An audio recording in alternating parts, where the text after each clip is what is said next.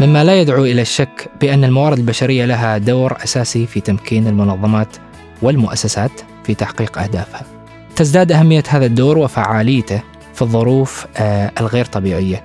آه، المتغيرات التي تحصل والتي تفرض على المؤسسات التعامل معها بكل سرعة وبكل كفاءة. دور الموارد البشرية في التعامل مع هذه المتغيرات بفعالية وكفاءة. أنا علي البلوشي وهذا بودكاست تكاتف.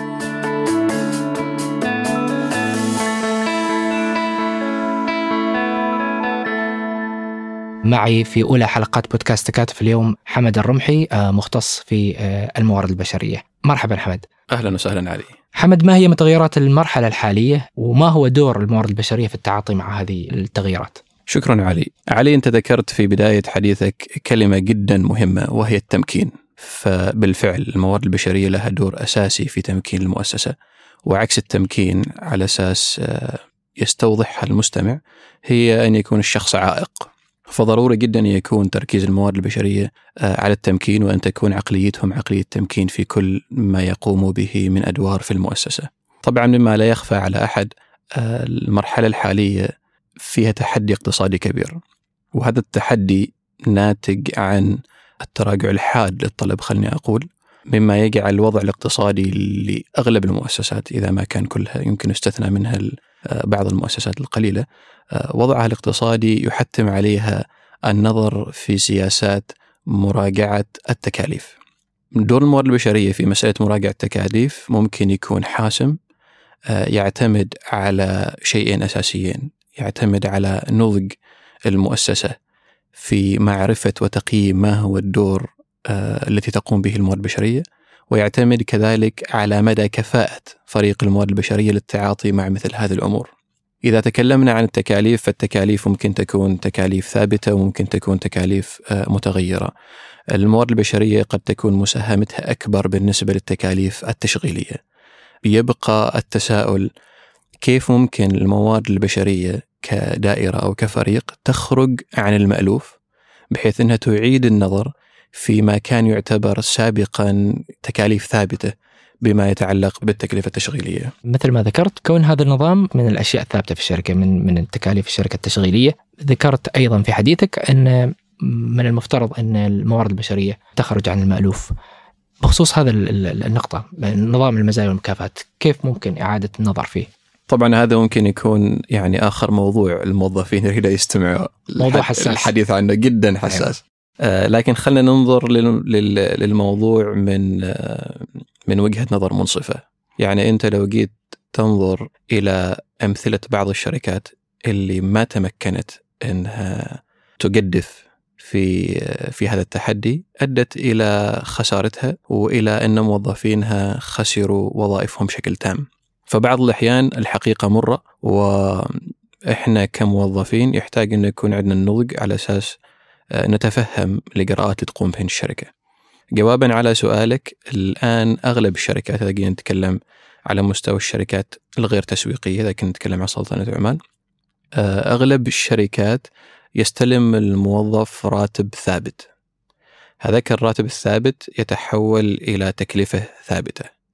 في شركات مثل شركات تسويق أو شركات بعض شركات الاستشارات يكون راتب الموظف أقل نوعا ما مقارنة بالممارسة العامة في السوق وهناك متغير. المتغير هذاك مرتبط كثير بأداء آه، الموظف. ففعليا مثل بعض هذه التشريعات تخدم جانبين. تخدم مسألة إدارة التكاليف وتخدم كذلك مسألة إدارة الأداء بحيث أنه ما يجيك موظف يقول لك أنا في نهاية الشهر مستلم راتبي مستلم راتبي هل هو فقط مرتبط بالأداء أداء الموظف أم حتى بعد بوضع السوق؟ آه، أحسنت. أحسنت على النقطة. هو مرتبط بمختلف الأشياء. أحدها هو أداء الموظف كذلك بأداء السوق والمبيعات بشكل عام والقدرة المالية للشركة فيما يتعلق بإعطاء تلك الحوافز. إذا تحدثنا عن تكاليف الشركة الثابتة ماذا عن تكاليف الشركة المتغيرة اللي ذكرتها مسبقا؟ نعم. إذا رجعنا إلى النقطة الأساسية للخروج عن المألوف في بعض التكاليف المتغيرة اللي هي فعليا ممكن تؤثر عليها الموارد البشرية بشكل مباشر خصوصا فيما يتعلق بتكاليف التدريب.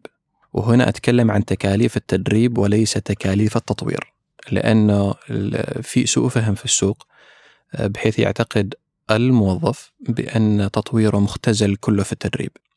الآن أنت إذا رجعت إلى الأمثلة اللي تعرفها من الأشخاص ذوي الخبرة وهم ما اكتسبوا خبرتهم بسبب دورات تدريبية حضروها في في فصول دراسية. هي عبارة عن تركيز على التطوير بشكل أوسع.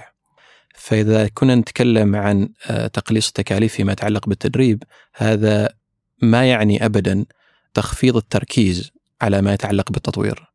ممكن يعني مع تناقص التدريب وتناقص التكلفة يتم التركيز أكثر على تطوير الموظفين عبر أدوات أخرى مثل التمكين وإعطاء الثقة للموظف للقيام بأعمال لم يقم بها سابقا وكذلك التوجيه والإرشاد فيما يتعلق بالمهارات سواء كان المهارات الفنية أو المهارات الغير فنية. الكثير من التطور يحدث عندما يعطى الشخص الثقة لتجربة والقيام بمهمة جديدة. المفترض أنه يكون تركيز الشركات مرة ثانية على التطوير وليس على التدريب. إذا حمد نحن تطرقنا على التغيير الاقتصادي اللي متعلق بوضع السوق العرض والطلب واللي ممكن أن نكون آه، شاهدناه آه، في السابق وما هو جديد علينا آه، لكن بسبب الأزمة الحالية الجائحة طرأت تغييرات جديدة تحتم على الجميع المؤسسات وكل المنظومات إنها تتعامل مع هذه التغييرات وتغييرات جديدة يعني بالنسبة لنا. ما هي هذه التغييرات؟ تغير آخر كبير هو واقع التباعد الاجتماعي. هذا الواقع يعني كان صدمة لكثير من المؤسسات اللي اعتادت انه العمل يكون في المكتب وانه الاجتماعات تكون وجها لوجه. كان بالنسبة لهم هذا تحدي كبير. في شركات كانت قد بدأت بالعمل عن بعد وفي شركات على الأقل كان نظامها التقني مهيئ أنها ممكن تستحدث هذا آه، بعد الجائحة في مؤسسات أخرى يعني كانت الأسوأ حظا كان ما عندها أي استعداد سابق وكذلك النظام التقني الموجود في الشركة ما كان يسمح لها أصلا أنها ممكن تطبق وتستحدث هذه التقنية في فترة قصيرة. هذا الأمر يذكرني بمقولة الناس أعداء ما تجهل. الكثير من الشركات كانت تقاوم التوجه التقني فيما يتعلق بالعمل عن البعد كانت مصرة على الاستمرار على النظام التقليدي وهو أن يحضر الموظف إلى المكتب ويقوم بمهامه بشكل تقليدي جدا. حمد شدتني كلمة المقاومة. آه، مقاومة المؤسسات والشركات آه، للتكنولوجيا من القيام بدورها الحقيقي آه، واللي ممكن بكافة تطبيقاتها وأدواتها. وهذا اللي شاهدناه في الأزمة الحالية أنها ساعدت وساهمت بدور كبير في تسيير الأعمال. ما سبب هذه المقاومة في السابق؟ جميل. علي لو ناخذ خطوة للخلف الحديث عن المقاومة هو حديث متعلق بأكبر تحديات التغيير بشكل عام. الكثير من من مشاريع التغيير تصطدم بحاجز المقاومة. في كثير من الأشخاص اعتاد أنه يقوم بأمر ما بطريقة ما يشعر أنه ما مضطر أصلا أنه يغير. فكان في الفترة الماضية مسألة التقنية ومسألة تمكين التقنية في في العمل عن بعد وغيره في كثير من المؤسسات كانت تنظر إلى هذا الأمر كأنه أمر آه، ما نحتاجه الآن. ليش أصلا نقوم بهذه الخطوة ونقوم بهذا الاستثمار؟ آه، وإحنا ما مضطرين إليه. هذا أمر. الأمر الآخر غياب الثقة في مسألة التنفيذ. يعني كثير من المؤسسات وكثير من القيادات تظن أنه إذا أنا أعطيت الموظف خيار العمل من المنزل هذا ممكن يخليه غير ملتزم بساعات العمل أو غير منضبط وما إلى هذه الأمور. هذه في عجالة أحد الأسباب المحتملة للمقاومة. في النهاية كل شركة ولها أولوياتها فيما يتعلق باستثمارها المالي. بعض الشركات تنظر أنه هذا استثمار بعيد الأمد أنا ما مضطر إليه الآن. آه، ممكن أجله لاحقا. وكذلك الكفاءات القيادية وإيمان القيادات بأهمية التقنية والتكنولوجيا في تمكين العمل بشكل عام والثقة ما بين المؤسسة والموظف. بالحديث عن المقاومة آه، والبعد النفسي آه، أكيد بأن هذا التغيير أو التغييرات التي حصلت كان لها من الأثر النفسي على الموظفين. ما هي ما هي هذه الآثار وكيفية التعامل معها؟ بالتأكيد علي أعتقد أن الجانب النفسي من أحد أهم الجوانب اللي ممكن تركز عليها الموارد البشرية فيما يتعلق بدورها في التعامل آه، مع هذه الأزمة. آه، بسبب المتغيرين السابقين اللي ذكرناهم تغير الاقتصادي ومسألة ضرورة العمل من المنزل أو العمل عن بعد. كثير من الموظفين تولد عندهم آه، قلق. قلق متعلق بالمستقبل الوظيفي أو بالأمان الوظيفي. هنا يكمن دور أساسي للموارد البشرية متعلق بترسيخ ثقافة الاهتمام من المؤسسة أو المنظمة تجاه الموظفين. طبعا ما كل المؤسسات اعتادت إنها تتلقى هذا الدور أو هذا الدعم من الموارد البشرية ولكن الأزمة تحتم سرعة تحرك بإرشاد وتوجيه أعضاء فريق القيادة للتعامل مع موظفيهم آه، بطريقة تعطيهم الشعور بالاهتمام والأمان من قبل الشركة. وهنا نقطة أساسية جدا الاهتمام لا يتنافى ابدا مع الشفافية في مثل هذه المراحل. الموظف ما فقط ينتظر الأخبار السعيدة والمطمئنة من آه، من المؤسسة ولكنه ينتظر الأخبار بكل شفافية يبقى أسلوب القيادات في إيصال هذه الأخبار وإيصال هذه المعلومات آه، للموظف.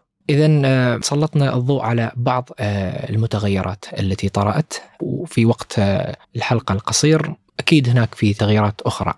لكن خلينا نتكلم عن آه، نوعية العقلية عقلية آه، قيادات آه، الموارد البشرية والفرق التابعة لها في إدارة مثل هذه الأزمات.